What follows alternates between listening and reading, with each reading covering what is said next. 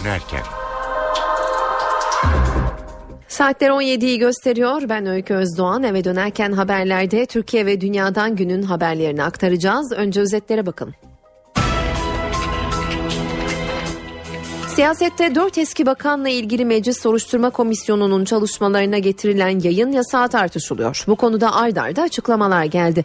Ana muhalefet kararın kaldırılması için mahkemeye başvurdu. Komisyon başkanının da değiştirilmesini istedi. Adalet Bakanı ise yasak kararını savundu.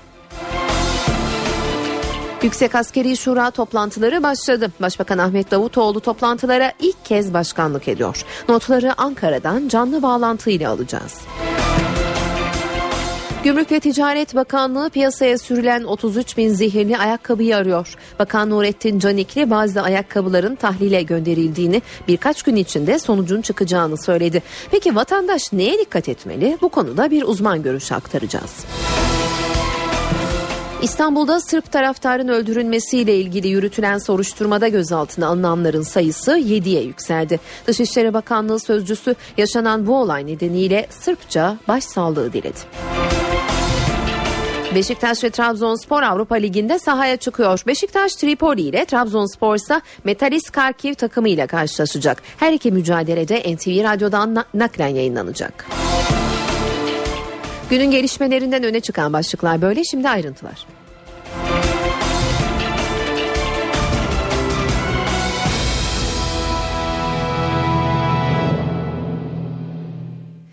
Siyaset dört eski bakanla ilgili yolsuzluk iddialarını araştıran soruşturma komisyonuna getirilen yayın yasağını tartışıyor. CHP yasağın kaldırılması için mahkemeye başvurdu. Ana muhalefet yaptığı açıklamalar nedeniyle komisyon başkanı Hakkı Köylü hakkında da ihsası rey başvurusunda bulunacak. CHP başkanın soruşturma sürecini sabote etmeye çalıştığını ifade ediyor. Konuyla ilgili siyasilerden ardarda açıklamalar gelmeye devam ediyor. Meclis Başkanı Cemil Çiçek, CHP lideri Kemal Kılıçdaroğlu'nun yasak kararı nedeniyle kendisini eleştirmesine NTV yayınında yanıt verdi. Çiçek yasak için başvurusunun olmadığını tekrarladı. CHP liderine tepki gösterdi.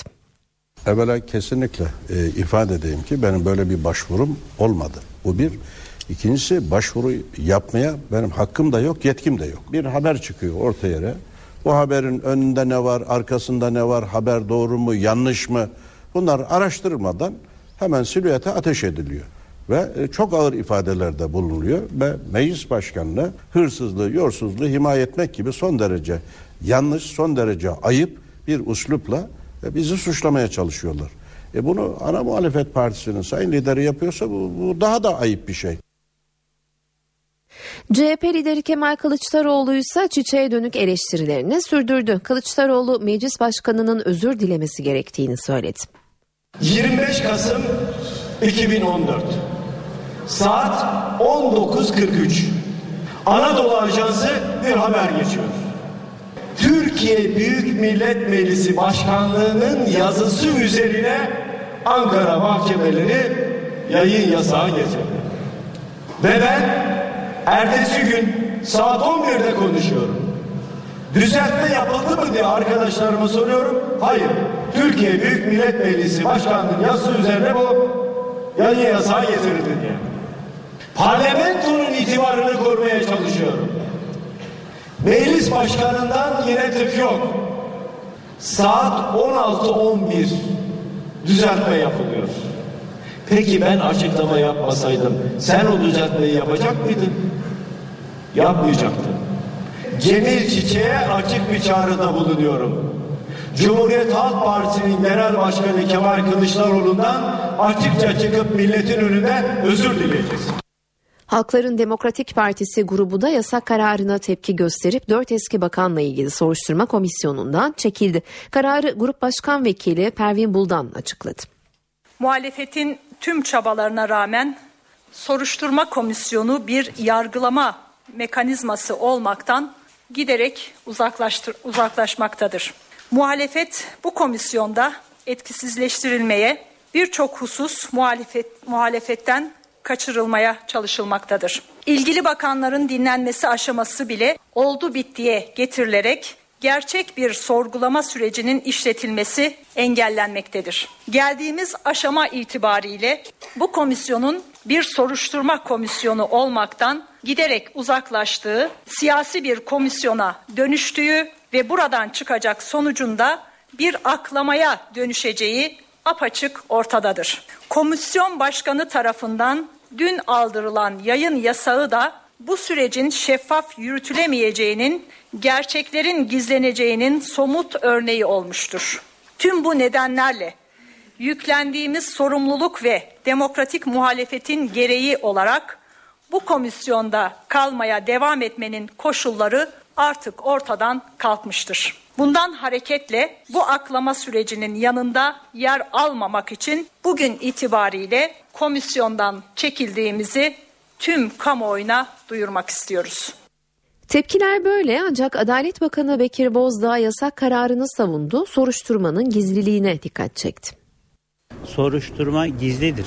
Bizim e, ceza mahkemesi e, yasamız bunu amirdir. Aynı şekilde Türk Ceza Kanunu'nda soruşturmanın gizliliğinin ihlalini cezai müeyyideye bağlamıştır. Soruşturma Komisyonu Başkanı Sayın Hakkı Köylü yaptığı açıklamada gizli yürütülmesi gereken soruşturma komisyonu çalışmalarının her gün gazetelerde çarşaf çarşaf yer almasının soruşturmanın gizliliğini ortadan kaldırdığını kendisi ifade etmiştir. Bu gizliliğe riayet edilmemesi nedeniyle mahkemeden, şey, hakimden soruşturmanın gizliliğini hakkında karar vermesini talebinde bulunduğunu ifade etmiştir. Sayın Komisyon Başkanı yaptığında usule, yasaya, iş düzeye, anayasaya aykırı herhangi bir durum söz konusu değildir. Soruşturmalar insanları e, lekelenmeme hakkına da riayet edilerek yürütülmesi gerekir. Gizliliğin en önemli nedenlerinden bir tanesi bu. Lekelenmeme hakkını korumak, öte yandan da delillerin sağlıklı toplanmasına yardımcı olmak içindir. Ee, Sayın Başkan böyle bir takdirde bulunmuştur. Bu takdir e, yasal ve meşru bir takdirdir. Bu konuda yeni bir gelişmeyi aktaralım. Muhalefetin yayın yasağı başvurusu nedeniyle eleştirdiği Komisyon Başkanı Hakkı Köylü'den açıklama geldi. Köylü ihsas Rey'den bahsedilebilecek son kişi benim. Arkadaşları haberler konusunda defalarca uyardım ancak soruşturmanın gizliliği ihlal edildi dedi. Halkların Demokratik Partisi heyeti hafta sonunda İmralı'ya gidiyor. Bu ziyaret öncesinde hem hükümet hem de HDP cephesinden başvuru konusunda kafa karıştıran açıklamalar geldi. Adalet Bakanı Bekir Bozdağ talep var ancak gidiş için henüz başvuru yapılmadı dedi. HDP Grup Başkan Vekili Pervin Buldansa isimlerin sunulduğunu adaya gidecek heyetteki isimlerin yarın netleşeceğini bildirdi. HDP'lilerin bakanlığımıza müracaatları henüz olmadı. Müracaatları olduğunda biz bakacağız. Biz başvuruyu yaptık arkadaşlar. Daha önce isimleri zaten vermiştik. Sayın Hatip Dicle ve Sayın Ceylan Bağrıyanık. Ee, ama henüz kimlerin olacağına dair bize bir bilgi gelmedi. HDP heyetinin yaklaşık bir buçuk aylık bir aranın ardından 30 Kasım Pazar günü İmralı'ya gitmesi bekleniyor. Ancak Adalet Bakanı Bekir Bozdağ genişletilmiş bir heyetle adaya gitmesi beklenen HDP'nin başvurusuyla ilgili dikkat çeken bir açıklama yaptı. Henüz benim imzama gelmiş bir başvuru yok dedi. Ona göre e, gitmesi gerekenler gidecektir. Milletvekillerinin e, bu hafta sonu gitme konusunda talepleri olduğunu biliyorum. Biz de olumlu bakıyoruz. HDP'nin başvurusunda Hatip Dicle ve Ceylan Bağrıyanık da bulunuyor. Ancak bu iki ismin milletvekili olmamaları nedeniyle izin çıkmayacağı iddiası var. Çerçeve yasa çok açıktır, nettir. Sayın Öcalan'la siyasilerin dışında farklı kesimlerin görüşmesine de olanak tanıyan bir yasadır. Dolayısıyla milletvekili olmasına gerek yoktur. HDP Grup Başkan Vekili İdris Baluken ise İmralı ziyareti öncesi Kandil'e gitti. Meclis Başkanı Cemil Çiçek siyasette yükselen tansiyon üzerine liderlere üslup uyarısında bulundu. Grup toplantılarında kullanılan dile dikkat çeken Çiçek, gerilimin azaltılması için genel başkanları kendi aralarında çay içmeye davet etti. 2011'den beri e, bu böyle. Belki ondan evvel de vardı ama 2011'den sonra siyaset gerçekten sert geçiyor. Meclis Başkanı Cemil Çiçek siyasetin üslubundan şikayetçi. Çiçek grup toplantılarında kullanılan dili eleştirdi. Salı günü grup toplantılarını alın. Yani o gün sinirlenmeniz için uslubun şeyine bir bakın, sertliğine. E bu toplumu olumsuz etkiliyor. Gruplarımızı olumsuz etkiliyor. Sizi temin ederim teker teker milletvekillerimizle konuştuğumuzda herkes salı günkü bu grup toplantılarının uslubundan, yapılış tarzından şikayetçi. Yapılan grup toplantıları siyasi partilerimizin grup iç yönetmeliklerine aykırıdır. E artık miting meydanına döndü, sloganlar atılmaya başladı. NTV yayınına konuk olan meclis başkanı genel başkanlara çağrıda bulundu. Benim hesabıma ne düşüyorsa herkes bana yüklesin sorumluluk olarak. Yani ben teklif ediyorum sayın genel başkanlar birbirlerine çat kapı ister bana gelsinler ister kendi aralarında bir, bir çay içsinler ya bir insani ilişki gösterelim.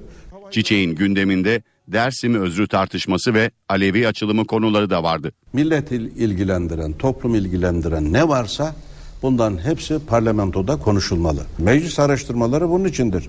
Genel görüşme bunun içindir. E, kanunlar kanun üzerinde görüşmeler yapılırken dile getirilecek bunun içindir. Suç teşkil eden bir husus varsa meclis soruşturması bunun içindir.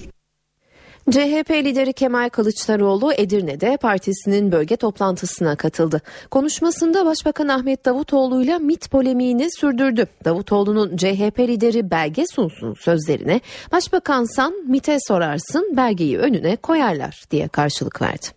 Sayın Davutoğlu sen gerçek anlamda başbakansan belgesi hazır. Gider Milli İstihbarat Teşkilatı'na sorarsın senin önüne belgeyi koyarlar. Ama sen diyorsan ki mutlaka bir şeyler söyle ey Kılıçdaroğlu ben sana söylüyorum. 2 Şubat 2012 tarih veriyorum o da duysun diye. 2 Şubat 2012 Adalet ve Kalkınma Partisi'nin genişletilmiş il başkanları toplantısı. Abisi bir konuşma yapıyor orada. Diyor ki ey sayın Kılıçdaroğlu diyor sen mercek altındasın diyor. Senin nefes alışını bile biz takip ediyoruz. Ne demektir bu? Benim nefes alışımı niye takip eder? Ben neden mercek altındayım?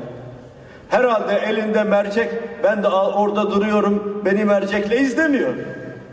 Devlette bu işi yapan kim? Devlette bu işi yapan organlar var. Sen o dönem Adalet ve Kalkınma Partisi'ndeydin. Sen bunun ne anlama geldiğini bilmiyorsan başbakanlık koltuğunda zaten boşuna oturuyorsun. Kılıçdaroğlu MHP Genel Başkanı Devlet Bahçeli'nin Tunceli ziyaretini ise olağanüstü bir durum yok. Türkiye'de herkes istediği yere gider diye yorumladı. MHP Genel Başkanı Devlet Bahçeli yarın Tunceli'ye yapacağı ziyaret öncesi konuştu. Provokasyona ihtimal vermediğini söyleyen Bahçeli, Tunceli MHP'yi bağrına basacaktır dedi. Hiçbir şeyle karşılaşacağımıza inanmıyorum. 81 ilden bir tanesidir Tunceli ilimiz. Tunç yüreklilerin yöresidir.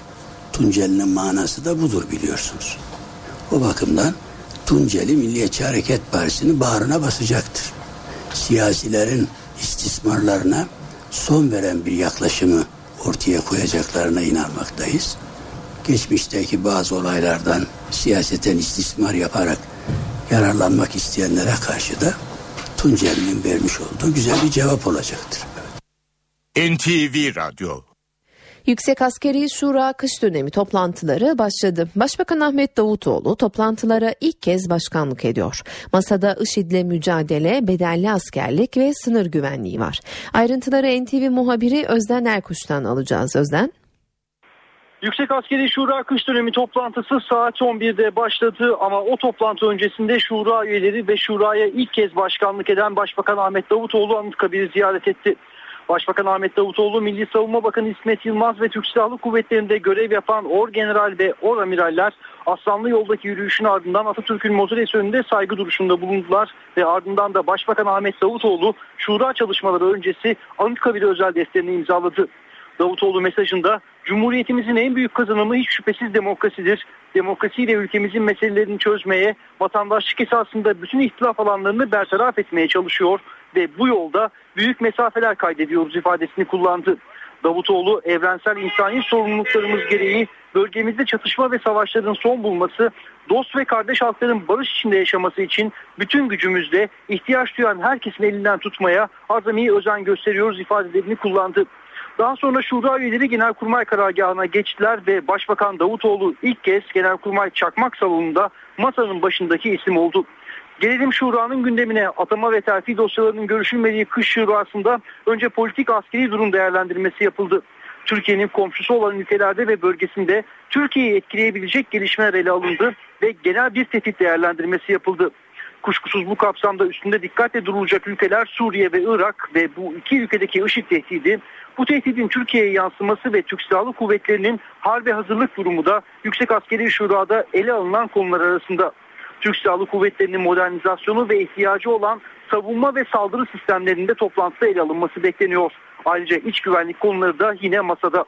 Ve elbette bedelli askerlik tartışması. Tartışmaya ilişkin taraflar da bu toplantıda masanın etrafında.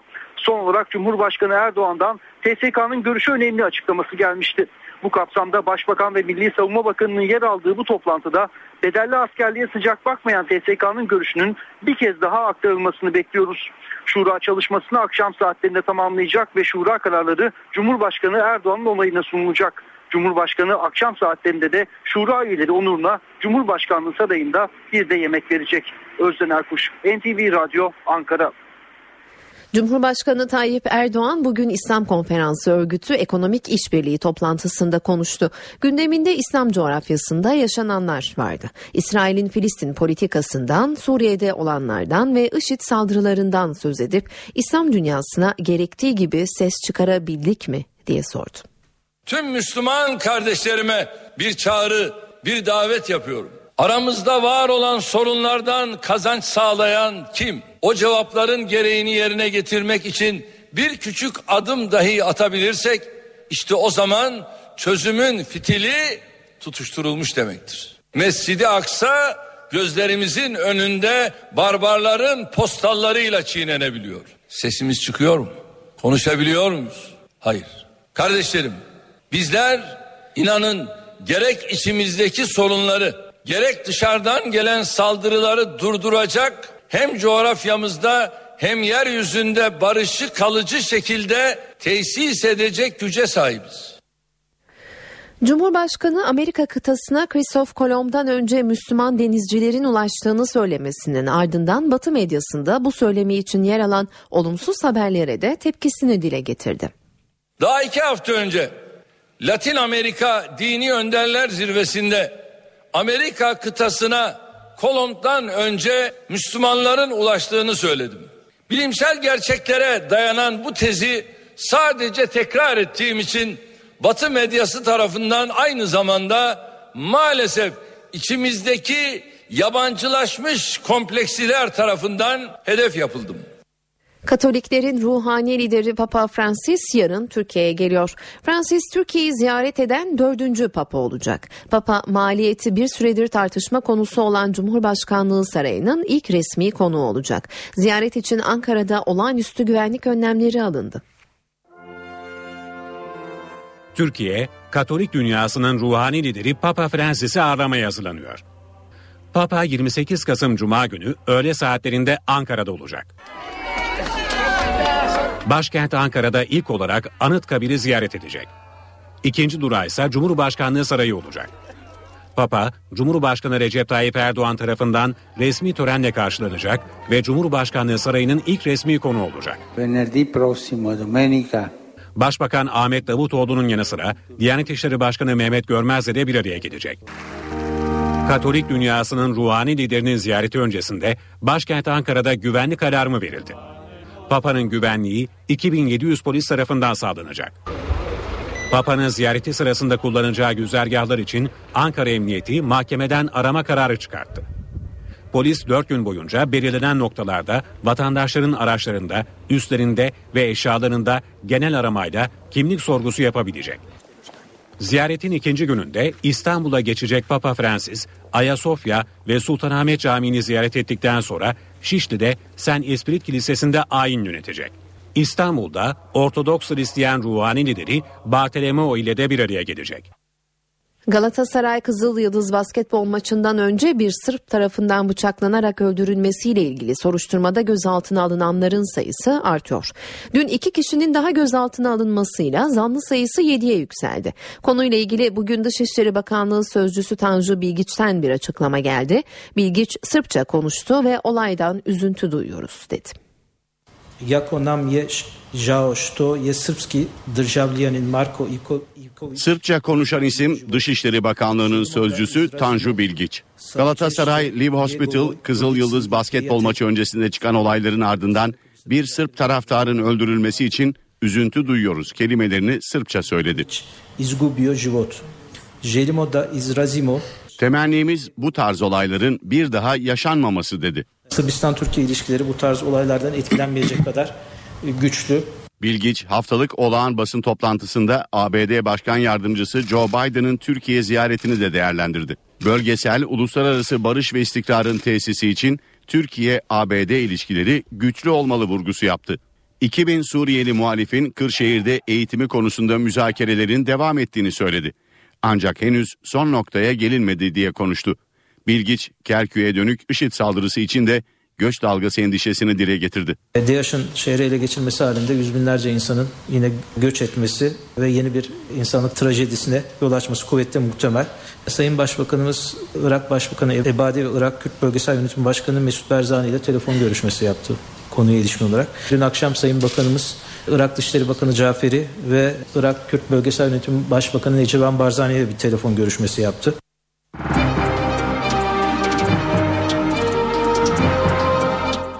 Para ve sermaye piyasalarından son verileri aktaralım. BIST endeksi şu sıralar 84.503 puan seviyesinde. Serbest piyasada dolar 2.21, euro 2.77'den işlem görüyor. Kapalı çarşıda ise Cumhuriyet altını 575, çeyrek altın 139 liradan satılıyor. Kısa bir aranın ardından yeniden karşınızda olacağız. Eve dönerken devam ediyor. Saat 17.31 ben Öykü Özdoğan eve dönerken haberlerde haber turu var sırada. Siyasette dört eski bakanla ilgili yolsuzluk iddialarını araştıran soruşturma komisyonuna getirilen yayın yasağı tartışılıyor. Meclis Başkanı ve Adalet Bakanı soruşturmanın gizliliği ilkesine vurgu yaptı. CHP yasağın kaldırılması için mahkemeye başvurdu ve komisyon başkanının değiştirilmesini istedi. HDP de yayın yasağına tepki amacıyla komisyon çalışmalarından çekildi. Yüksek Askeri Şura toplantıları başladı. Başbakan Ahmet Davutoğlu toplantılara ilk kez başkanlık ediyor. Masada IŞİD'le mücadele, bedelli askerlik ve sınır güvenliği var.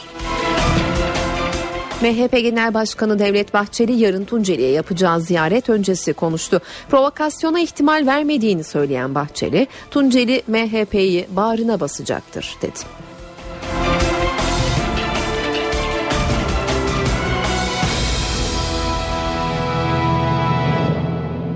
33 bin zehirli ayakkabı piyasada. İstanbul Erenköy gümrüğüne yakalanan ve imha edilmek üzere bekletilen ayakkabılar piyasaya sürüldü ve o ayakkabılarda kanserojen madde tespit edildi.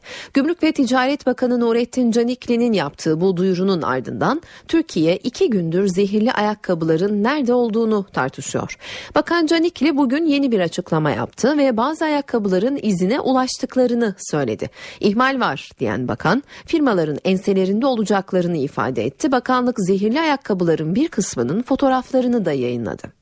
Net olarak bu ayakkabıların o kayıt dışı bir şekilde kaçak bir şekilde imha edilmesi gerekirken iç piyasaya sokulan ayakkabılar olduğuna karar verebiliriz. Birkaç gün içerisinde bu tahlil sonuçları çıkmış olacak. Onunla ilgili e, kamuoyu hemen çıkar çıkmaz payla, bilgileri paylaşacağız. E, elbette burada bir ihmal söz konusu. Daha doğrusu en hafif ifadeyle bir ihmal e, söz konusu. Yani bu ayakkabılar imha edilmek üzere imha edilene kadar geçici depo alanlarında muhafaza edilmektedir. E, sorun tabi bu depoların sorumlusu olan insanlar var. Dolayısıyla bunların sorumluluğu çok net bir şekilde ortadadır. Onunla ilgili gereken çalışma yapılıyor zaten. İki gün önce iki arkadaşımız, iki müfettiş arkadaşımızı özellikle bu yönüyle soruşturmak üzere gönderdik. O çalışmayı müfettişlerimiz devam ediyor. Onun sonucuna göre gerekeni yapacağız zaten. Ama bir de işte aslında daha önce yine kamuoyuna yansıyan kırmızı et kaçakçılığı ile ilgili konuda da benzer bir durum e, söz konusuydu. Orada da antrepodan bu mallar çıkarılmıştı. Şimdi geçici depodan, orada antrepodan aşağı yukarı benzeyen sistemler bunlar. O olaydan, kırmızı et olayından sonra antrepo rejimini biz masaya yatırdık. Enine boyuna bütün boyutlarla değerlendirdik ve bir noktaya gelmiştik zaten. Onunla ilgili birkaç gün içerisinde bakanlığımızın bir e, e, aldığı kararın kamuoyuyla e, daha uygulamaya koyması söz konusu olacak. Ciddi bir radikal karar, tedbir alıyoruz onunla ilgili. Yani özü de şu, bu depoların muhafazasından giren ve çıkan eşyanın sorumlusu olan kişilerin sorumluluğu netleştiriliyor. Kamunun yetkisi biraz daha öne çıkartılıyor. Denetim yetkisi öne çıkartılıyor. Kamu elemanlarının denetim yetkisi öne çıkarılıyor. Ayrıca teknik imkanlar yani özellikle e, kamera, gelişmiş kamera sistemlerinin merkezde izlenecek şekilde e, buralara monte edilmesi şeklinde iki ana grupta tasnif edebileceğimiz e, konuda yeni düzenlemeler gelecek. Birkaç gün içerisinde bu düzenlemeleri yayınlamış olacağız. Yani bu düzenlemelerin e, sorunu büyük oranda ortadan kaldıracağını tahmin ediyoruz. Şimdi burada bir hususun altını bu vesileyle çizmek istiyorum. Bakın e, bu tür teşebbüsler, fiiller yani kaçakçılık e, amaçlı fiiller tespit edilebiliyor. O görüntüleri kamuoyuyla paylaşmamızın e, temel nedeni şu. Yani bir şekilde o ayakkabılara benzeyen ayakkabı aldığını düşünen vatandaşlarımız varsa Bunlar emin olmak için o ayakkabıları e, getirsinler bize hemen biz onları tahlile gönderiyoruz. Hiçbir ilave onlara en ufak bir maliyet veya bir şey e, katlanmak durumunda olmadan tümünü biz hallediyoruz. Üzerinde bir takım markalar var ama bu markaların gerçek o marka sahipleri tarafından mı yapıldı yoksa başkaları tarafından taklit edildi onu bilmiyoruz. Peki vatandaş ne yapmalı? Neye dikkat etmeli? Onkoloji uzmanı Doktor Yavuz Dizdar'ın önerilerini dinliyoruz. Bu bir eğer iç giyim malzemesi ise önden hiç olmazsa bir kere yıkayınız diyoruz ki çocuğun tenine temas etmesin diye. Ama bir ayakkabı söz konusu olduğunda hele hele deri benzeri bir şeyden bahsediyorsak bunu da yıkayın diyemeyeceğimiz için o zaman Türkiye'ye getirenler ve bakanlık üstüne düşeni yapmış bunu analiz ettirmiş. Ama böyle şeyler bizim ülkemizde malum geçenlerde yine yaşandı farkına bile varmadan değiştirilebilir, edilebilir. Bir takım bir şekilde piyasaya sürül. Vatandaşlar eskaza büyük alışveriş merkezlerinde de karşılaşabilirler. Ürün bir kere piyasaya girdiği zaman bunun hangi yollardan nereye dağıtıldığını hiç kimse bilmiyor. Peki. İzleme diye bir kavram ne yazık ki o kadar e, yaygın olarak söz konusu değil. Birincisi bizim akreditasyon sisteminin standart kurumunun damgasını arayacaklar. İkincisi bu laboratuvar testlerinin yapılıp yapılmadığı aslında ürünlerin üstünde yazıyor. Söylemekten hoşlanmıyor ama bilindik markalar diye bir standart parantezi açıyorsunuz. Bilindik markalardan, bilindik yerlerden alın şeklinde. Onlar da zaman zaman yanılabiliyorlar. Çünkü bugün artık günümüz şartlarında kendi ülkesinde bildiği gibi üretim yaptırmaktan ziyade işte İspanya'da Çin'de yaptırtıyor ve dağıtım ağıyla bütün dünyaya veriyor. E Türkiye de aynı şeyi yapıyor. Biz de bir kısmını bunu yurt dışında ürettirtiyoruz ve buradan tekrar belki gönderiyoruz ama e, kendi laboratuvarlarımız var. Bu laboratuvarları kullanmayı ihmal etmeyelim. İşin tamamen masumane gelişmiş olması olasılığını sakın göz ardı etmeyelim. Yani bunu Türkiye'ye getiren bile bile bunu yapmaz. Ama gelen ürünü de en azından biz bir numune, bir iki numune alarak bu laboratuvarlara analiz ettirtirsek eğer içimiz rahat olarak hem firma prestiji bozulmayacak şekilde satışına girebilir. Diyarbakır Silvan'da 13 askerin şehit olduğu çatışma ile ilgili davada bilirkişi raporu ayrıntıları belli oldu. Raporda olayın erden tabur komutanına kadar tüm personelin yapmış olduğu hatalar zinciri nedeniyle meydana geldiği belirtildi. Askeri mahkemede görülen duruşmada iki muvazzaf ve bir emekli albayın hazırladıkları bilirkişi raporu okundu. Üst olarak seçilen bölgenin savunma için uygun olmadığı belirtildi.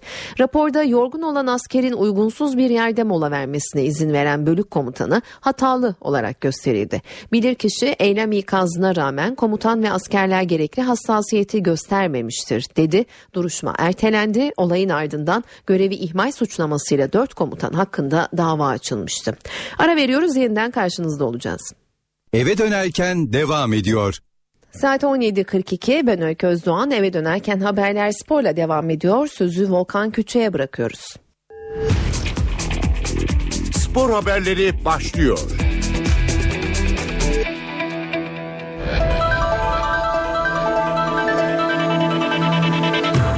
Beşiktaş ve Trabzonspor bu akşam UEFA Avrupa Ligi'nde 5. maçlarına çıkacak. Trabzonspor Hüseyin Avni Aker stadında Ukrayna'nın Metelis Karkiv, Beşiktaş'ta deplasmanda Yunanistan'ın Asteras takımıyla karşılaşacak. Trabzonspor'un maçı saat 20'de, Beşiktaş'ın maçı saat 22.05'te başlayacak. Karşılaşmalar NTV Radyo'dan canlı yayınlanacak.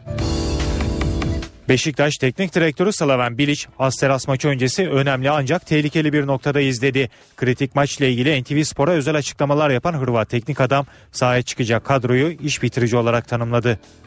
Beşiktaş Teknik Direktörü Slaven Bilic Asteras Tripolis maçına büyük önem veriyor. Gruptan çıkma yolunda avantajlı olduklarını dile getiren Hırvat teknik adam buna karşın dikkatli olmaları gerektiğini söyledi.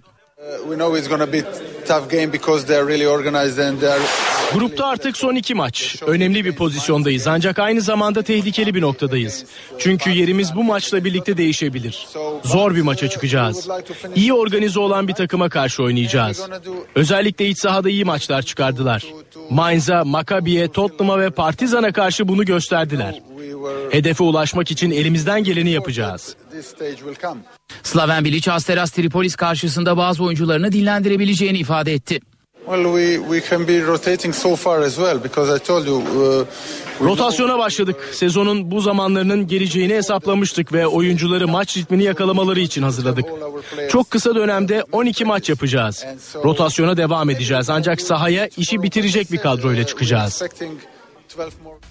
Trabzonspor'un Metalist Karkiv'le yapacağı maç öncesi basın toplantısı düzenleyen Bordo Mavililerin teknik direktörü Ersun Yanal amaçlarının rakiplerini yenerek gruptan çıkmayı garantilemek olduğunu söyledi. Savaşacağımız, mücadele edeceğimiz 3 ana hattın bugün bence çok önemli birinde yarışacağız ve avantajlıyız. Bugün rakibimizi e, asla küçümsemiyoruz. Her rakibe saygı duyuyoruz. Her rakip bizim için çok önemli. Çünkü rakibin asla sizinle aynı kategoride aynı maçı yapıyorsa güçlüsü, kuvvetlisi, zayıfı yoktur. Rakipse rakiptir ve oynayacağımız maçın sonucu alacağımız puanlar 3 puan e, bizi e, bir sonraki tura götürecektir.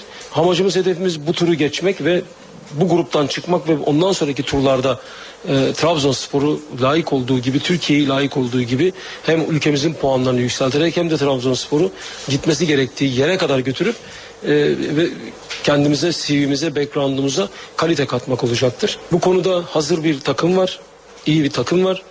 Bu konuda oyuncularımız çok iştahlı, oyuncularımız çok istekli. Hepsiyle birlikte biz e, Ocak 5'e kadar olan birinci yarı hedefimizi daha doğrusu o ilk nefes alma hedefimizi e, bütün maçlarımızı kazanma parolasıyla çıkıp mücadelemize devam edeceğiz. Fenerbahçe pazar günü oynayacağı Eskişehir spor maçının hazırlıklarını sürdürüyor. Teknik direktör İsmail Kartal bu maçta kadroda değişikliğe gitmeye hazırlanıyor. Spor Toto Süper Lig'in 11. haftasında Eskişehir Spor'u konuk edecek Fenerbahçe'de hazırlıklar sürüyor. Sarı lacivertlilerde Mehmet Topal ve Diego'nun sakatlıkları sürerken Emre Belezoğlu'nun durumu iyiye gidiyor. Teknik direktör İsmail Kartal Eskişehir Spor maçında kadroda değişiklik yapmaya hazırlanıyor. Sakatlığı bulunan Diego'nun yerine tam performansa ulaşması beklenen Emre Belezoğlu alacak.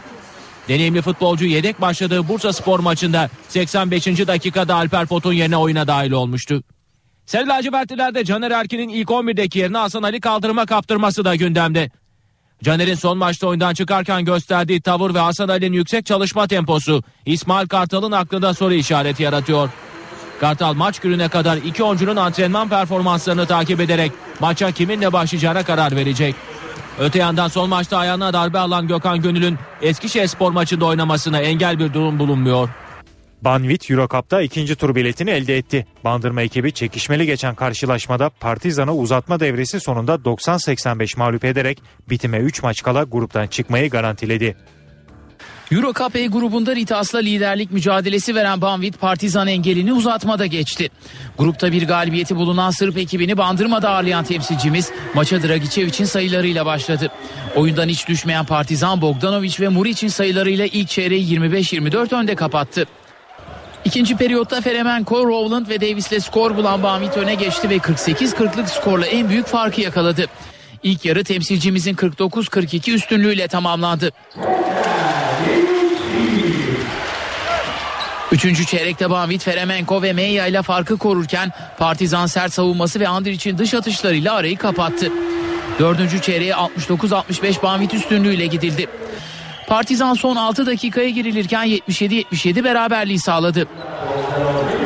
83-83 eşitlikle gidilen son dakikada iki takım da sert savunmalarla birbirlerine sayı şansı vermeyince maç uzatmaya kaldı. Savunmaların ön plana çıktığı uzatmada Banvit son dakikayı Dragicevic'in basketiyle 86-85 önde girdi. Kalan sürede rakibine sayı attırmayan temsilcimiz maçı 90-85 kazanmayı başardı.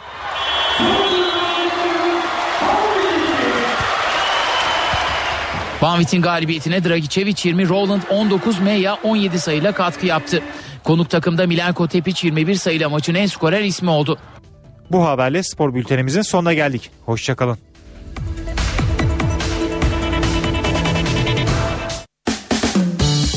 Andre Rieu bu akşam İstanbul'da müzikseverlerle bir araya geliyor. Klasik müziğin Madonna'sı olarak adlandırılan sanatçı Sinan Erdem Spor Salonu'nda olacak. Andre Rieu'ya sahnede Strauss Orkestrası eşlik edecek. Konserin saat 21'de başladığını ekleyelim.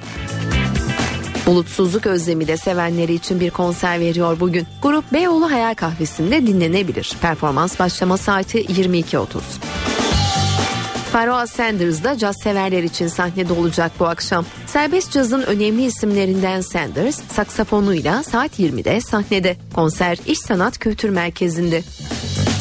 Dilek Türkan da Salon İKSV'de sanatseverlerle buluşuyor. Klasik Türk müziği ve tango yorumcusu Türkan saat 21.30'da başlıyor performansına. Zakkumsa Ankaralı hayranlarıyla bir araya geliyor bugün. Grup sevilen şarkılarıyla saat 22'de sahnede olacak. Konsere If Performance Hall ev sahipliği yapıyor. Zuhal Olcay da Adana'da bir konser verecek bu akşam. Sanatçı saat 22'de sevenlerinin karşısında olacak. Bu akşam evdeyseniz CNBC'de saat 21'de Rizzoli Niles, öncesinde ise saat 20.30'da The Big Bang Theory ekranda olacak. Star TV'de ise saat 22.05'te UEFA Avrupa Ligi'nde karşı karşıya gelecek Asteras Beşiktaş maçı izlenebilir. Öncesinde ise saat 20'de yerli dizi Aramızda Kalsın ekranda olacak. İyi akşamlar. Bugün Ege'de başlayan sıcaklık yükselmesi yarın Marmara, Ege'nin tamamı ve iç kesimlerde de hissedilecek. Doğuda ise soğuk hava etkisini sürdürmeye devam edecek. Yarın yağışlar hafifliyor. Doğu Karadeniz'de Giresun, Trabzon, Rize, Artvin. Doğuda Ardahan, Kars, Ağrı arasında yağış var. Batıda gün içinde artacak bulutlanma, İzmir, Manisa, Kuşadası hafif yağışlar bırakabilir. Yağışlar kıyı kesimlerde yağmur, doğuda ise karla karışık yağmur ve kar şeklinde olacak. Cuma günü batıda sıcaklıklar yükselirken ilerleyen saatlerde Kuzey Ege ve Trakya'da bulutlanma artacak. Çanakkale, Bozcaada, Gökçeada ve Edremit Körfezi için hafif yağışlar görülebilir. Cumartesi günü Batı Karadeniz'e daha kuvvetli olmak üzere Kuzey Ege, Marmara, Karadeniz, İç Anadolu'nun doğusu ve Doğu Anadolu'nun kuzeyi yeniden yağışlı havanın etkisine girecek. Yağışlar doğuda kar ve karla karışık yağmur, batıda ise yağmur şeklinde olacak. Marmara ve Karadeniz'deki yağışların yer yer kuvvetli olmak üzere pazar gününe devam etmesini bekliyoruz. İstanbul'da yarın hava açıyor ve rüzgar hafif sıcaklık gündüz 12 gece 8 derece olacak. Ankara'da hava parçalı oldu gece kuvvetli ayaz bekliyoruz sıcaklık gündüz 7 gece ise eksi 1 derece olacak. İzmir'de hava biraz da olsa bulutlanıyor sıcaklık artmaya başladı sıcaklık gündüz 14 gece ise 9 derece olacak. İyi akşamlar diliyorum. Hoşçakalın. İstanbul'daki trafik durumunu aktaralım. Boğaziçi Köprüsü'nde Anadolu yakasından Avrupa yakasına geçişlerde yoğunluk Altunizade'den köprü çıkışına kadar sürüyor. Fatih Sultan Mehmet Köprüsü'ne baktığımızda ise Kavacığa doğru artan yoğunluk Avrupa yakasına doğru yerini daha açık bir trafiğe bırakıyor. Aksi istikamette ise Avrupa yakasından Anadolu yakasına geçişlerde Fatih Sultan Mehmet Köprüsü Hastal'dan itibaren Boğaziçi Köprüsü ise Çağlayan'dan itibaren oldukça yoğun görünüyor. Anadolu yakasında sahil kesimde trafiğin oldukça sıkışık olduğunu ekleyelim ve iyi yolculuklar dileyelim. Eve dönerken devam ediyor. Saat 18 ben Öykü Özdoğan eve dönerken haberlerde Türkiye ve dünya gündemindeki öne çıkan haberleri aktarıyoruz.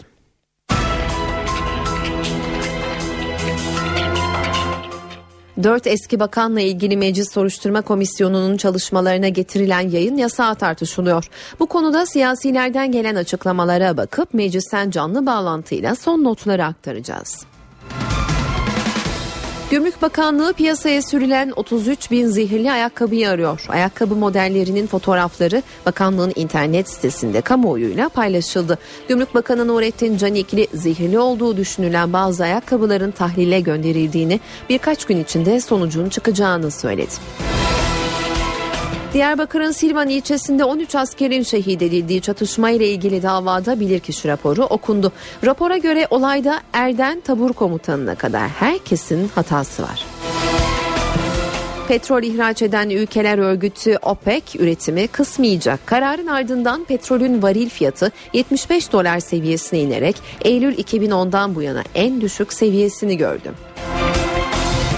Beşiktaş ve Trabzonspor Avrupa Ligi'nde sahaya çıkıyor. Beşiktaş Tripoli ile Trabzonspor ise Metalist Karkiv takımı ile karşılaşacak. Her iki mücadelede NTV Radyo'dan naklen yayınlanacak. Maç öncesi notları canlı bağlantılarla aktaracağız. Günün gelişmelerinden öne çıkan başlıklar böyle şimdi ayrıntılar.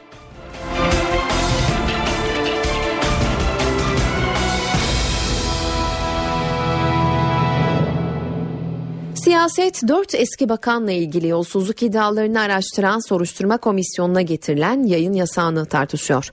CHP yasağın kaldırılması için mahkemeye başvurdu. Ana muhalefet yaptığı açıklamalar nedeniyle komisyon başkanı Hakkı Köylü hakkında da ihsas rey başvurusunda bulunacak. CHP başkanın soruşturma sürecini sabote etmeye çalıştığını ifade ediyor. Konuyla ilgili siyasilerden ardarda açıklamalar gelmeye devam ediyor. Meclis Başkanı Cemil Çiçek, CHP lideri Kemal Kılıçdaroğlu Kılıçdaroğlu'nun yasak kararı nedeniyle kendisini eleştirmesine NTV yayınında yanıt verdi. Çiçek yasak için başvurusunun olmadığını tekrarladı. CHP liderine tepki gösterdi. Evvela kesinlikle e, ifade edeyim ki benim böyle bir başvurum olmadı. Bu bir. İkincisi başvuru yapmaya benim hakkım da yok, yetkim de yok. Bir haber çıkıyor orta yere. Bu haberin önünde ne var, arkasında ne var, haber doğru mu, yanlış mı? Bunlar araştırılmadan hemen silüete ateş ediliyor. Ve e, çok ağır ifadelerde bulunuyor ve meclis başkanını hırsızlığı, yorsuzluğu himaye etmek gibi son derece yanlış, son derece ayıp bir uslupla e, bizi suçlamaya çalışıyorlar. E bunu ana muhalefet partisinin sayın lideri yapıyorsa bu, bu daha da ayıp bir şey. CHP lideri Kemal Kılıçdaroğlu ise çiçeğe dönük eleştirilerini sürdürdü. Kılıçdaroğlu meclis başkanının özür dilemesi gerektiğini söyledi. 25 Kasım 2014 saat 19.43 Anadolu Ajansı bir haber geçiyor.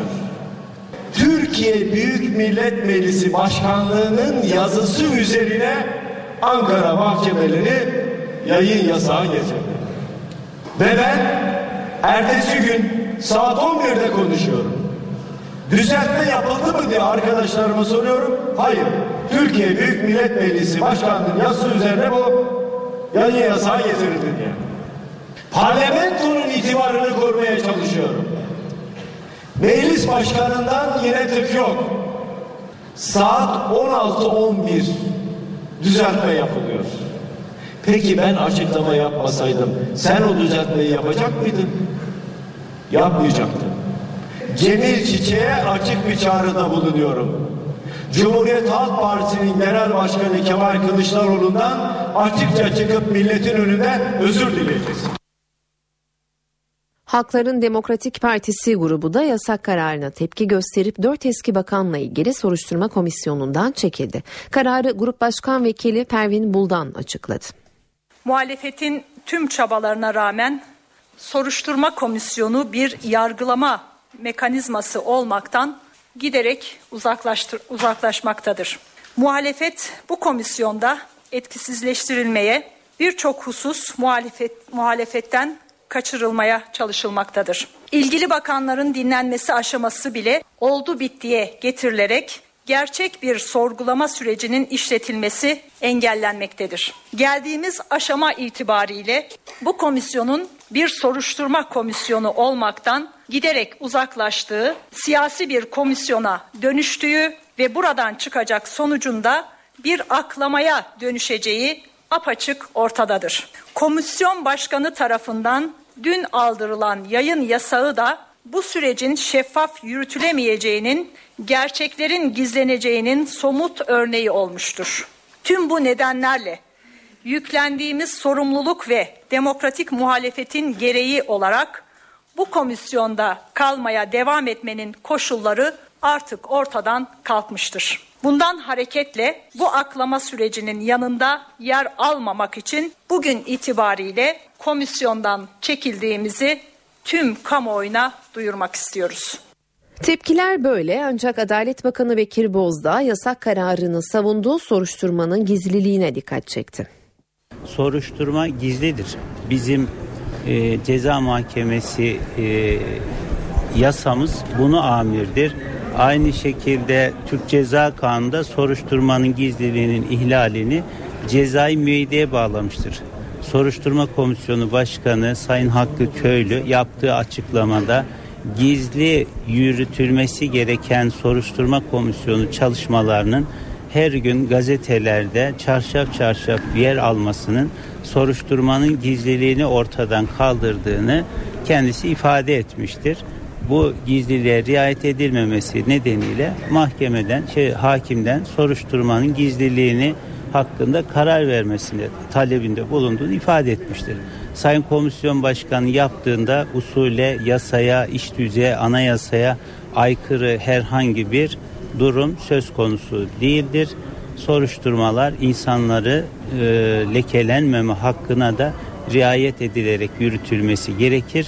Gizliliğin en önemli nedenlerinden bir tanesi bu. Lekelenmeme hakkını korumak, öte yandan da delillerin sağlıklı toplanmasına yardımcı olmak içindir. Ee, Sayın Başkan böyle bir takdirde bulunmuştur. Bu takdir e, yasal ve meşru bir takdirdir. Muhalefetin eleştirdiği isimlerin başında yayın yasağı için mahkemeye başvuran komisyon başkanı Hakkı Köylü geliyor. Köylü bugün sessizliğini bozdu ve bu adımının gerekçesini açıkladı. Neler söylediğini Miray Aktağ Uluç'tan alacağız. Miray. Evet o yayın yasağını getiren isim komisyon başkanı Hakkı Köylü'ydü. Bir süredir muhalefetin hedefindeydi ve başkent Ankara gündemindeki aslında bugünkü tüm haberler o yayın yasağıyla ilgiliydi. E, Hakkı Köylü kendisini savundu. Bugün yayın yasağıyla ilgili olarak komisyonun yürütme yetkisi bende dedi. Ve komisyonlarını defalarca uyardığını söyledi. Onları defalarca uyardım, defalarca söyledim dedi. Neden onlara bilgi vermediniz diye sorduğumuzda ise niye bilgi verecekmişim? Ben dedim onlara zaten arkadaşlar bilgiyi sızdırıyorsunuz bu suçtur dedim. Bunun doğru olmadığını söyledim. Gizliliği korumak bizim görevimiz. Arkadaşlar buna rağmen sızdırmaya devam ettiler. Artık bir noktaya geldi. Başka çarem kalmadı dedi. Bu kararı mahkemeden istemek zorunda kaldım ifadelerini kullandı Hakkı Köylü o açıklamasında. Cumhuriyet Halk Partisi'nin bugün yaptığı bir ihsan sırayı başvurusu vardı. Yani görüşlerini e, daha önceden belli ettiği yönünde e, doğrudan komisyonu soruşturma komisyonun akıbetini etkileyecek tavırlar sergilediği yönünde bir itirazı vardı ve komisyon başkanının başkanlıktan ayrılmasını istiyordu Cumhuriyet Halk Partisi. Bununla ilgili olarak da bu komisyonda ihsası reyde bulunmamış kişilerin en başında ben gelirim dedi. E, komisyon başkanı Hakkı Köylü e, tüm bu söyledikleri hikaye dedi. İhsası reyin ne olduğunu onu yazanlar bile bilmiyorlar ifadelerini kullandı ve benim nasıl bir komisyon başkanı olduğumu gitsinler Adalet Komisyonu'na sorsunlar. Adalet Komisyonu'nun muhalefet üyeleri de zaten bilirler bunu dedi. Yani e, genel olarak yasakla ilgili tavrı böyleydi. Mecbur kaldım dedi. Bilgi vermeme gerek yok dedi. Komisyonun yürütme yetkisi bende dedi. Hakkı Köylü o açıklamaları çerçevesinde. E, Miray Komisyon bugün de toplandı. Kim ifade verdi? Evet bugün de toplandı. Zaten aslında Hakkı Köylü bu açıklamaları da o toplantıdan sonra çıkarken yaptı. Bugün ifade veren isim Egemen Bağış'tı. Dün hatırlanacağı gibi Erdoğan Bayraktar'dı ifade veren isim. Bugün ise Egemen Bağış komisyona gelerek ifade verdi. E, zamanında geldi e, ve yaklaşık iki saat kadar sürdü e, ifade vermesi. İfade verip ayrıldıktan sonra da e, bir açıklama yapmadı kendisi. E, ancak komisyon e, üyelerinin e, gergin olduğunu gözledik. Bunu söyleyebiliriz. Yayın yasağı olduğu için neler söylediğine ilişkin, içeride neler söylediğine ilişkin detayları paylaşmamız uygun değil. Şunu e, da belirtmekte fayda var. Halkların Demokratik Partisi komisyondan çekildiğini ifade etmişti. Bugün o yönde bir açıklamaları olmuştu. Diğer muhalefet üyelerine sorduğumuzda ise böyle bir şey yapmayacaklarını söylediler. Yani Cumhuriyet Halk Partisi ile Milliyetçi Hareket Partisi'nin komisyondan çekilme gibi bir niyetleri yok. 27 Aralık tarihine kadar çalışmaları devam edecek olan bu komisyonda çalışmaya devam edecekler. Onlar da bugün Egemen Bağış geldi demiştik. Önümüzdeki hafta ise diğer iki bakan Muammer Güler'le Zafer Çağlayan da komisyona gelerek ifade verecekler haklarındaki yolsuzluk iddiaları ile ilgili olarak. NTV muhabiri Miray Aktavluç konuşuyordu. Meclis Başkanı Cemil Çiçek siyasette yükselen tansiyon üzerine liderlere üslup uyarısında bulundu. Grup toplantılarında kullanılan dile dikkat çeken Çiçek, gerilimin azaltılması için genel başkanları kendi aralarında çay içmeye davet etti. 2011'den beri e, bu böyle. Belki ondan evvel de vardı ama 2011'den sonra siyaset gerçekten sert geçiyor. Meclis Başkanı Cemil Çiçek siyasetin üslubundan şikayetçi. Çiçek grup toplantılarında kullanılan dili eleştirdi. Salı günü grup toplantılarını alın. Yani o gün sinirlenmeniz için uslubun şeyine bir bakın, sertliğine. E bu toplumu olumsuz etkiliyor. Gruplarımızı olumsuz etkiliyor. Sizi temin ederim teker teker milletvekillerimizle konuştuğumuzda herkes salı günkü bu grup toplantılarının uslubundan, yapılış tarzından şikayetçi. Yapılan grup toplantıları siyasi partilerimizin grup iç yönetmeliklerine aykırıdır. E artık miting meydanına döndü, sloganlar atılmaya başladı. NTV yayınına konuk olan meclis başkanı genel başkanlara çağrıda bulundu. Benim hesabıma ne düşüyorsa herkes bana yüklesin sorumluluk olarak. Yani ben teklif ediyorum sayın genel başkanlar birbirlerine çat kapı ister bana gelsinler ister kendi aralarında bir, bir çay içsinler ya bir insani ilişki gösterelim. Çiçeğin gündeminde Dersim özrü tartışması ve Alevi açılımı konuları da vardı. Millet ilgilendiren, toplum ilgilendiren ne varsa bundan hepsi parlamentoda konuşulmalı. Meclis araştırmaları bunun içindir. Genel görüşme bunun içindir. E, kanunlar kanun üzerinde görüşmeler yapılırken dile getirilecek bunun içindir. Suç teşkil eden bir husus varsa meclis soruşturması bunun içindir.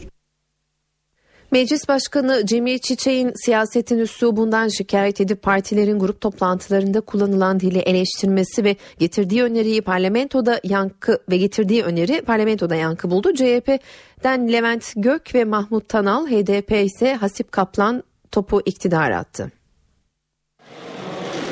Sayın Cemil Çiçek bu konuda haksız. Bir kere toplumu gelen ve bölen iktidarın ta kendisidir. Delillerin ortada... Meclis Başkanı Cemil Çiçek'in NTV yayınında siyasetin sert üslubunu eleştirmesi muhalefet cephesinde böyle yankılandı. Muhalefet milletvekilleri siyasetteki gerginliğin kaynağının iktidar partisi olduğu görüşünde. Bugünkü sıkıntıların kaynağı muhalefetin söylediklerinin hiçbirini dikkate almayan bir iktidarın varlığından kaynaklanıyor. Temel hak ve özgürlükler kısıtlanıyor, rafa kaldırılmış durumda. Başbakan ve Cumhurbaşkanı hele hele Cumhurbaşkanı inanın bir ay konuşmasa toplum o kadar rahatlayacak ki. Liderlerin Cumhurbaşkanı, Başbakan elbette kostümüne dikkat etmesi lazım. E, toplumu yay gibi gerdiler. İktidar kanadı ise Çiçek'in çağrısının karşılık bulmayacağı görüşünde. Çok uzun zamandır Cemil Bey bunu söylüyor. Ancak başarılı olamadı şimdiye kadar. Umut ederiz başarılı olur. Başarılı olursa e, yararlı da olur.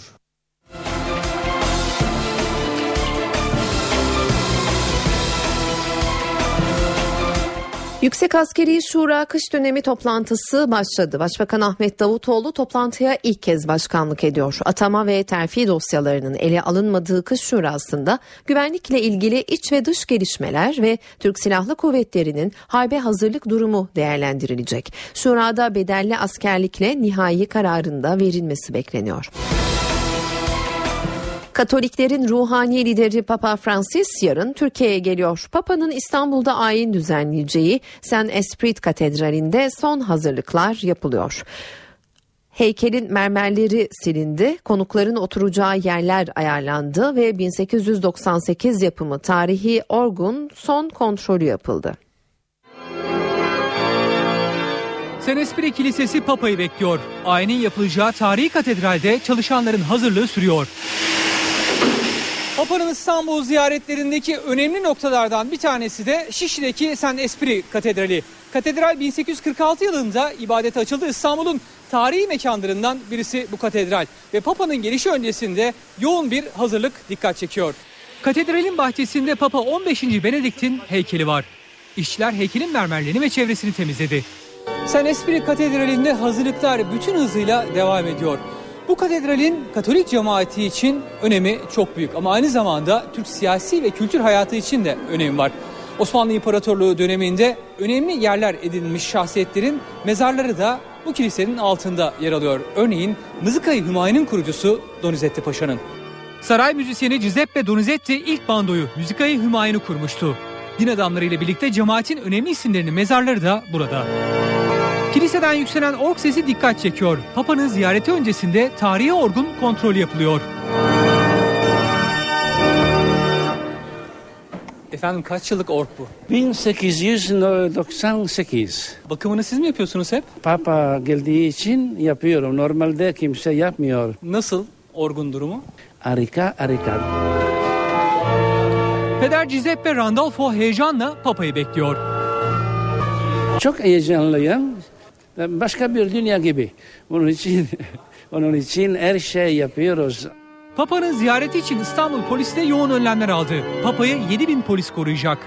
Papa Türkiye ziyaretinde zırhsız yerli bir otomobile binmek istedi ama bu isteği kabul edilmedi. Papa'ya zırhsız ama lüks bir araç tahsis edilecek. Galatasaray Kızıl Yıldız basketbol maçından önce bir Sırp taraftarın bıçaklanarak öldürülmesiyle ilgili soruşturmada gözaltına alınanların sayısı artıyor. Dün iki kişinin daha gözaltına alınmasıyla zanlı sayısı 7'ye yükseldi.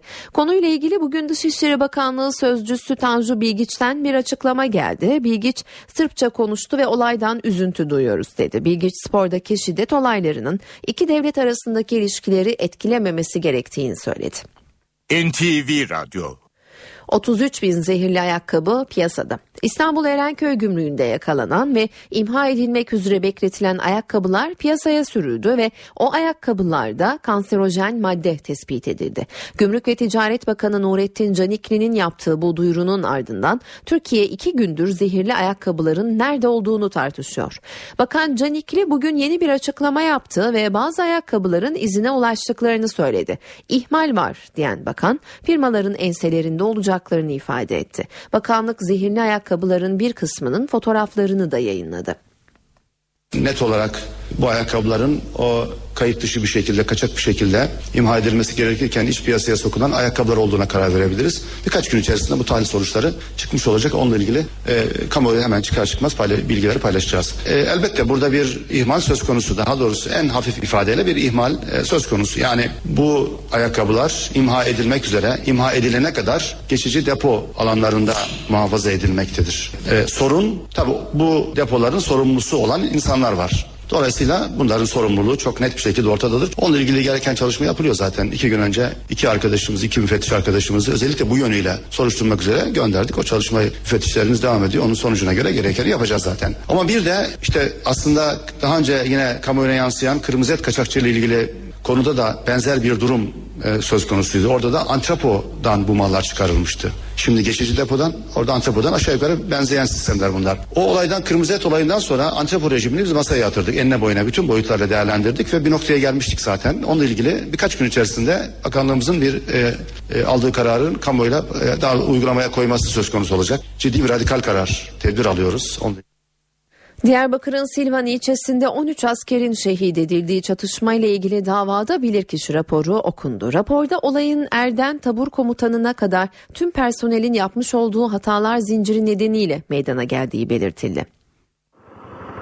Erden tabur komutanına kadar herkes hatalı. Taburda disiplin ve lider zafiyeti vardı.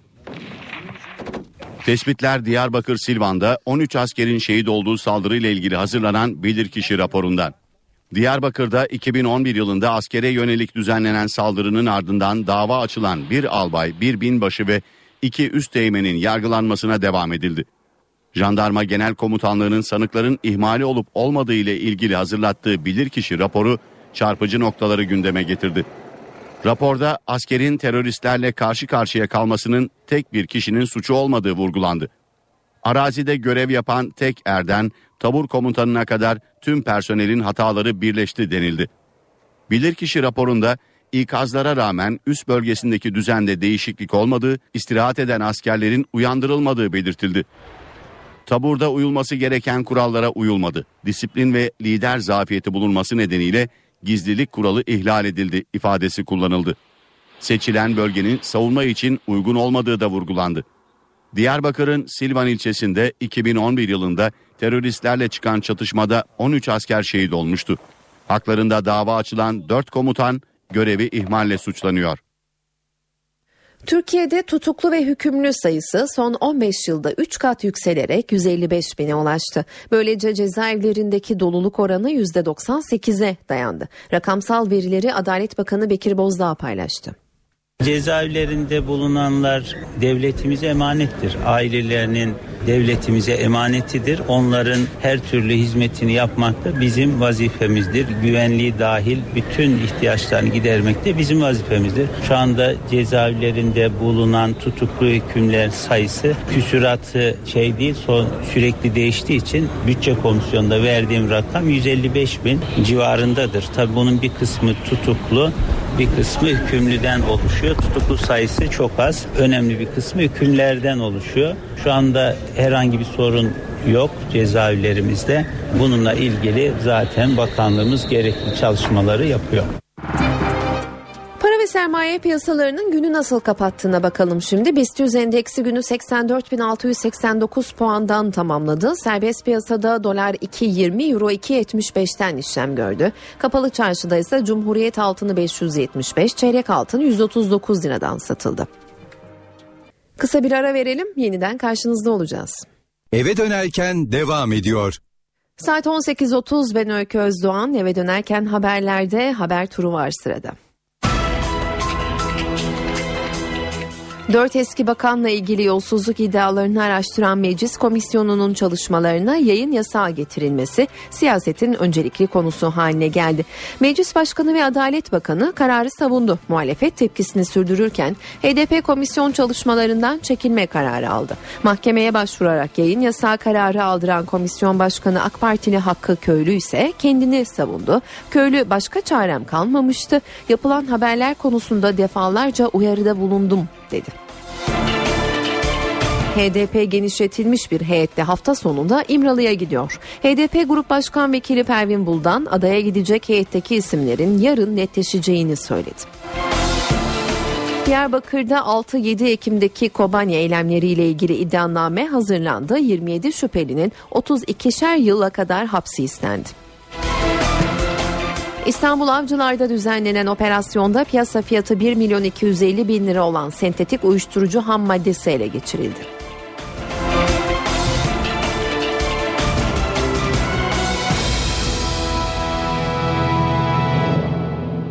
Yargıtay boşanma davaları ile ilgili emsal niteliğinde bir karar aldı. Yüksek Mahkeme taraflardan birinin gizlice yaptığı ses kaydını delil saymadı. Kaydın hukuka aykırı elde edilmesi karara gerekçe olarak gösterildi. Özellikle boşanma davaları yönünden de ben bunun bir dönüm noktası olduğunu düşünüyorum. Yargıtay boşanma davasında delil olarak sunulan ses kaydını hukuka aykırı elde edildiği gerekçesiyle delil olarak kabul etmedi. Ankara'da bir çift şiddetli geçimsizlik nedeniyle boşanmak için aile mahkemesine başvurdu. Taraflardan biri eşiyle kavgasını cep telefonuyla kayda alarak mahkemeye delil olarak sundu. Ankara 3. Ağır Ceza Mahkemesi ses kaydı için taraflardan birinin haberi olmaksızın yapıldı. Bu nedenle delil değildir hükmünü verdi. Bu karardan sonra şu netleşmiştir ki artık insanlar olası bir boşanma davasını delil olarak kullanmak üzere e, evlerine özellikle kişilerin en korunaklı olması gerektiği alana işte gizli kameralar, cep telefonuyla gizli kayıtlar, ses ya da görüntü kayıtları yaparak bunları dosyada delil olarak sunmak ve bundan bir netice almak gibi bir şanslarının kalmadığını düşünüyorum açıkçası. Karar tüm boşanma davaları için emsal niteliği taşıyor. Ankara'da 1,5 milyon kişinin tapu bilgilerinin çalındığı ortaya çıktı. Polis vatandaşın tapu bilgilerini çalarak başta emlakçılar olmak üzere isteyen herkese 500 lira karşılığında satan 4 kişiyi gözaltına aldı. Olay bir vatandaşın ihbarıyla ortaya çıktı. Cumhuriyet Savcılığının talimatıyla takip başlatan polis tapu bilgilerinin organize şekilde elden ele geçtiğini belirledi. Operasyonda tapu bilgilerini satan 4 kişi gözaltına alındı. Adliyeye sevk edilen şüpheliler 20'şer bin lira kefalet ve adli kontrol şartıyla serbest bırakıldı. Soğuk ve karlı hava yurtta birçok ilde etkili oluyor. Yüzlerce yol kapandı. Konya'da tipi nedeniyle yaylada mahsur kalan bir kişi jandarma tarafından kurtarıldı. Hakkari'de yoğun kar nedeniyle eğitime bir gün ara verildi. Hakkari ve Bitlis'te kar iki gündür aralıksız sürüyor. 33 köy yolu ulaşıma kapandı. İl özel idaresi ekipleri kapalı yolları açmak için çalışma başlattı. Erzurum, Kars ve Ağrı'daki soğuk hava hayatı olumsuz etkiliyor. Kentleri beyaz örtüyle kaplayan kar sürücülere zor anlar yaşattı. Karayolları yetkilileri sürücülerin zincir, takoz ve çekme alatı bulundurmaları için uyarı yaptı. Konya'nın Beyşehir ilçesinde de tipi etkili oldu. zaten. Yaylada rahatsızlanan Habib Erdoğan mahsur kaldı. Jandarma ve belediye besiciyi bulmak için operasyon başlattı. İş makinesi yardımıyla ulaşılan besici kurtarıldı. Kahramanmaraş'ta ise kurtarma ekipleri bir keçi için harekete geçti. Dağda mahsur kalan keçiye 4 gün sonra ulaşıldı. 100 metrelik kaya duvardan halatla indirilen keçi sahibine teslim edildi. NTV Radyo Petrol ihraç eden ülkeler örgütü OPEC üretimi kısmayacak. Bu kararla petrol fiyatları son 4 yılın en düşük seviyesine geriledi. Örgütün merkezinin bulunduğu Viyana'da toplanan OPEC üyeleri son aylarda düşen fiyatlar karşısında petrol üretimini kısıp kısmamayı ele aldı. Ancak üye ülkeler üretimi kısmamayı kararlaştırdı. Kararda en büyük ihracatçı olan Suudi Arabistan'ın tutumunun etkili olduğu bildiriliyor. Kararın ardından petrol fiyatlarında 3 dolara yakın düşüş gerçekleşti. Varil başına petrol fiyatı 75 dolarla son 4 yılın en düşük seviyesine geriledi. OPEC kararının iç piyasaya da yansıması olabilir. Akaryakıt fiyatlarında düşüş olması bekleniyor. Yoksulluk sınırı 4 bin liraya dayandı. Türk İş'in açlık ve yoksulluk sınırı araştırmasına göre Kasım'da 4 kişilik ailenin açlık sınırı 1225, yoksulluk sınırı 3990 lira oldu. 4 kişilik ailenin sağlıklı ve dengeli beslenebilmesi için yapması gereken aylık gıda harcaması bir önceki yılın aynı dönemine göre %13 arttı. Lavaş ekmeği Birleşmiş Milletler Eğitim, Bilim ve Kültür Örgütü UNESCO tarafından Dünya Somut Olmayan Kültürel Miras listesine alındı. Ancak Türkiye'nin değil Ermenistan'ın geleneksel yiyeceği olarak. UNESCO'dan yapılan basın açıklamasında lavaş hazırlanışı, anlamı ve ekmeğin görünüşü itibariyle Ermenistan'da kültürün bir yansımasıdır denildi. Kültür ve Turizm Bakanı Ömer Çelik daha önce yaptığı açıklamada lavaşın Türk mutfağının ürünü olarak UNESCO Somut Olmayan Kültürel Miras miras listesine girmesi için girişimde bulunulduğunu söylemişti. TEOK kapsamında yapılan ortak sınavların ilk ayağı tamamlandı. 8. sınıf öğrencileri bugün 3 dersten daha sınava girdi. İlk olarak fen, ardından inkılap tarihi ve Atatürkçülük, son olaraksa yabancı dil sınavı yapıldı.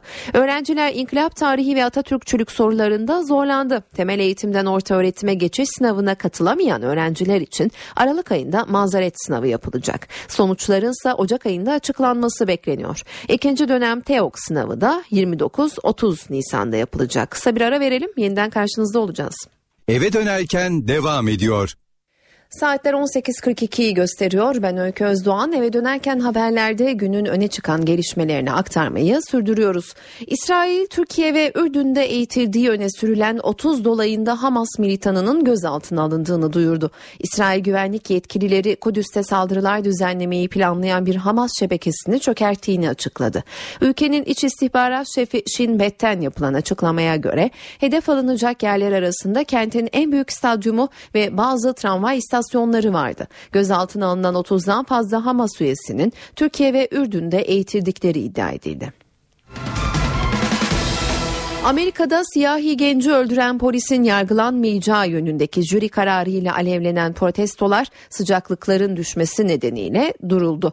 Öldürülen siyahi gencin ailesiyle vicdanın rahat olduğunu söyleyen polis memuruna tepkili. Amerika Birleşik Devletleri'nin gündemindeki Ferguson kasabası geceyi sakin geçirdi. İki gecedir olaylara sahne olan kasabada küçük bir grup protesto için sokaktaydı. Aşırı soğuklarla kar ve ulusal muhafız birliklerinin Ferguson'a konuşlanması gecenin sakin geçmesinde etkin oldu. Buna karşın Amerika'nın genelinde Ağustos ayında 18 yaşındaki siyahi genci vurarak öldüren polisi aklayan jüri kararına tepkiler dinmiş St. Louis'te protesto eylemi yapan göstericiler belediye binasına gitmek isteyince polis müdahalede bulundu. Çıkan arbedede gözaltına alınanlar oldu. Los Angeles'ta protesto gösterisine sahne oldu. Herkes çok kızgın. Polis memuru Michael Brown cinayetinden yargılanmalıydı. Bu olmadı. Ama biz mücadeleden vazgeçmeyeceğiz. Adalet Bakanlığı polisin mahkeme önüne çıkarılmasını sağlamalı. Gösterilerde ülke genelinde 400 gözaltı gerçekleşti. Polisin vurarak öldürdüğü siyahi gencin ailesi de karara tepkili. Anne Brown, medyaya ilk kez konuşan polis memurunun söylediklerine inanmadığını söyledi. Oğlum hayatı için kaçıyordu. Babası ona polise nasıl davranması gerektiğini, verilen emre uyması gerektiğini anlatmıştı. Ağustos ayında siyahi genci öldüren polis memuru Darren Wilson'ın önceki gün jüri kararıyla aklanması Amerika'da tepkilere ve protesto gösterilerine neden olmuştu. Beşiktaş Avrupa Ligi'nde tur için sahaya çıkıyor. Siyah beyazlılar deplasmanda Asteras Tripoli ekibiyle karşılaşacak. Karşılaşma 22.05'te başlayacak ve NTV Radyo'dan da naklen yayınlanacak. Maç öncesi notları Övünç Özlem Yunanistan'dan aktaracak Övünç. Yunanistan'dan Tripoli'den iyi akşamlar dilerim. Soğuk ve yağışlı bir hava var. Sanırım karşılaşma sırasında da 1-2 e, derecelerde seyreden bir hava sıcaklığı olacak. E, yağmur yağışı altında mücadelenin oynanmasını bekliyoruz. Beşiktaş dün gelmişti.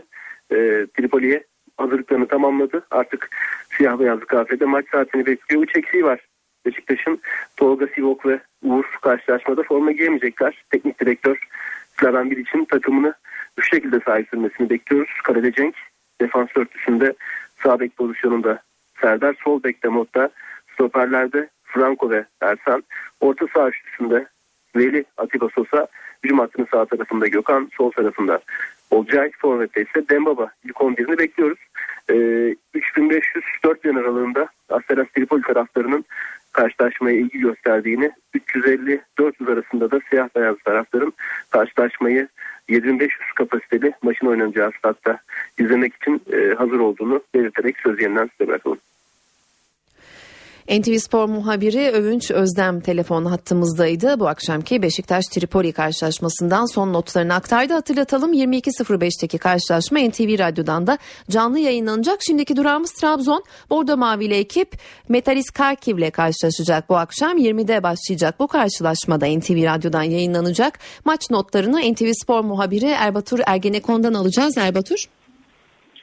Öykü merhaba iyi yayınlar. Trabzonspor senin de belirttiğin gibi Metalis Karkivi konuk edecek karşılaşma Avni Aker Stadyumunda saat 8'de başlayacak. Trabzonspor şu anda 7 puanla ikinci sırada Lejio Varşova'nın hemen ardından Metalis Karkiv ise puanı olmadan son sırada yer alıyor. Yani bu maça da favori çıkıyor Trabzonspor ama Metalis Karkiv'in de gruplar çekildiğinde grubun favorilerinden olduğunu ancak kötü performans sergilediğini hatırlatalım. Tabii bugünün önemli manşeti Ersun Yanal'ın uzun bir aranın ardından Avni Aker'e Trabzonspor teknik direktörü olarak çıkacak olması Ersun Yanal'ın gelişiyle beraber Vahit Hoca döneminden daha atak, daha coşkulu bir Trabzonspor görmeye başladık ki Ersun Yanal da zaten her açıklamasında, her basın toplantısında bunu dile getiriyor. Göze hoş gelen, taraftara keyif veren atak bir Trabzonspor izleteceğinin müjdesini veriyor. Zaten hafta sonu da Galatasaray'ı 3-0 yenmişti İstanbul'da. TT Arena'da hatırlayacaksınız Bordo Mavililer. Bunun da örneklerini görmüştük. E, Trabzonspor Avrupa'da 118. maçına çıkacak. 155 golü var geride kalan 117 maçta 45 galibiyeti 41 mağlubiyeti var Bordo Mavililerin. Kalede Fatih'le başlayacak Bordo Mavililer. Savunmada Bosingba, Belkalem, Papadopoulos, Musa dörtlüsü. Salih, Medyani, Baris, Mehmet Ekici, Yusuf orta sahası ve hücum hattında da süper yıldız Cardozo yer alacak. Konstant'ın sakatlığı var. E, Deniz yine sakat. Özer Hurmacı'nın ise ismi UEFA'ya bildirilmemiştir diyelim. Trabzonsporlu taraftarların maça büyük ilgisi olduğunu hatırlatarak sözü bir kez daha merkeze bırakalım. NTV Spor muhabiri Erbatur Ergenekon telefon hattımızdaydı.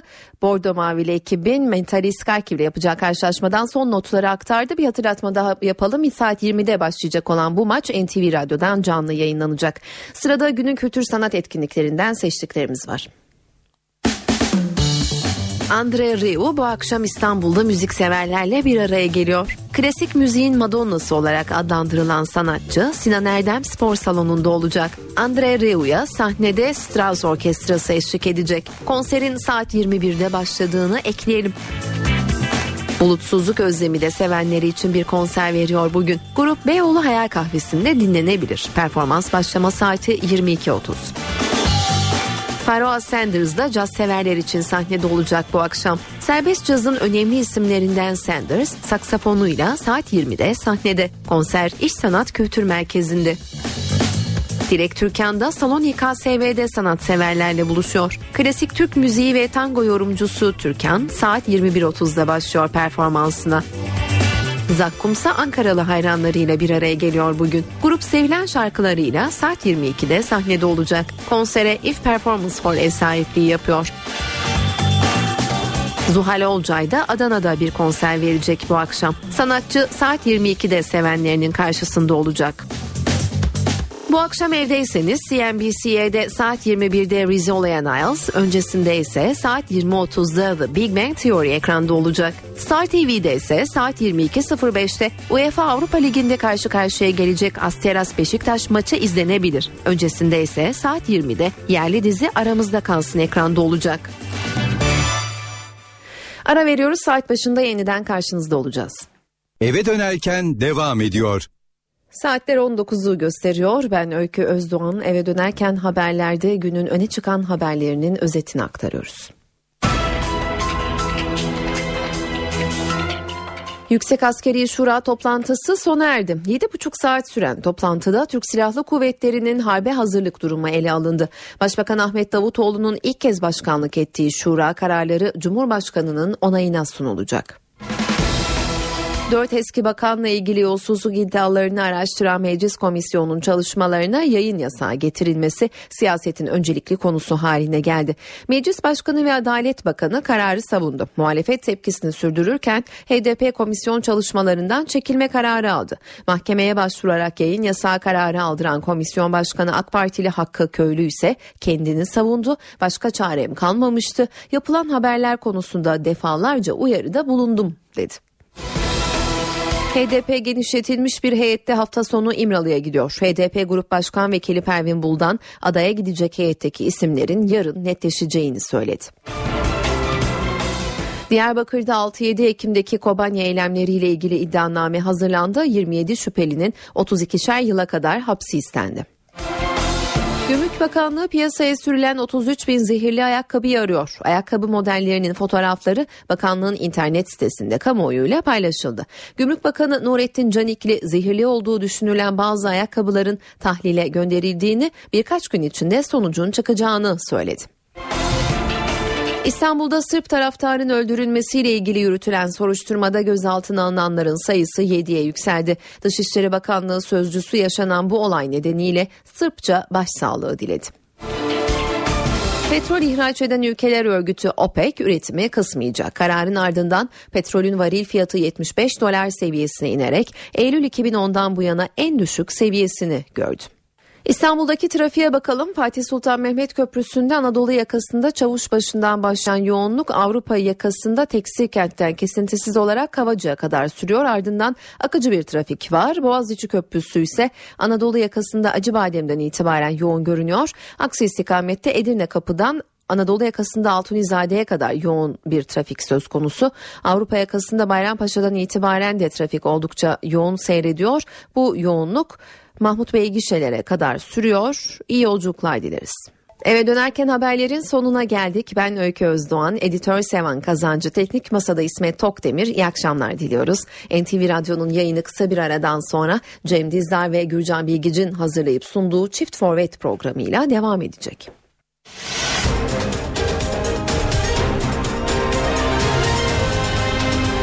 NTV Radyo, Türkiye'nin haber radyosu.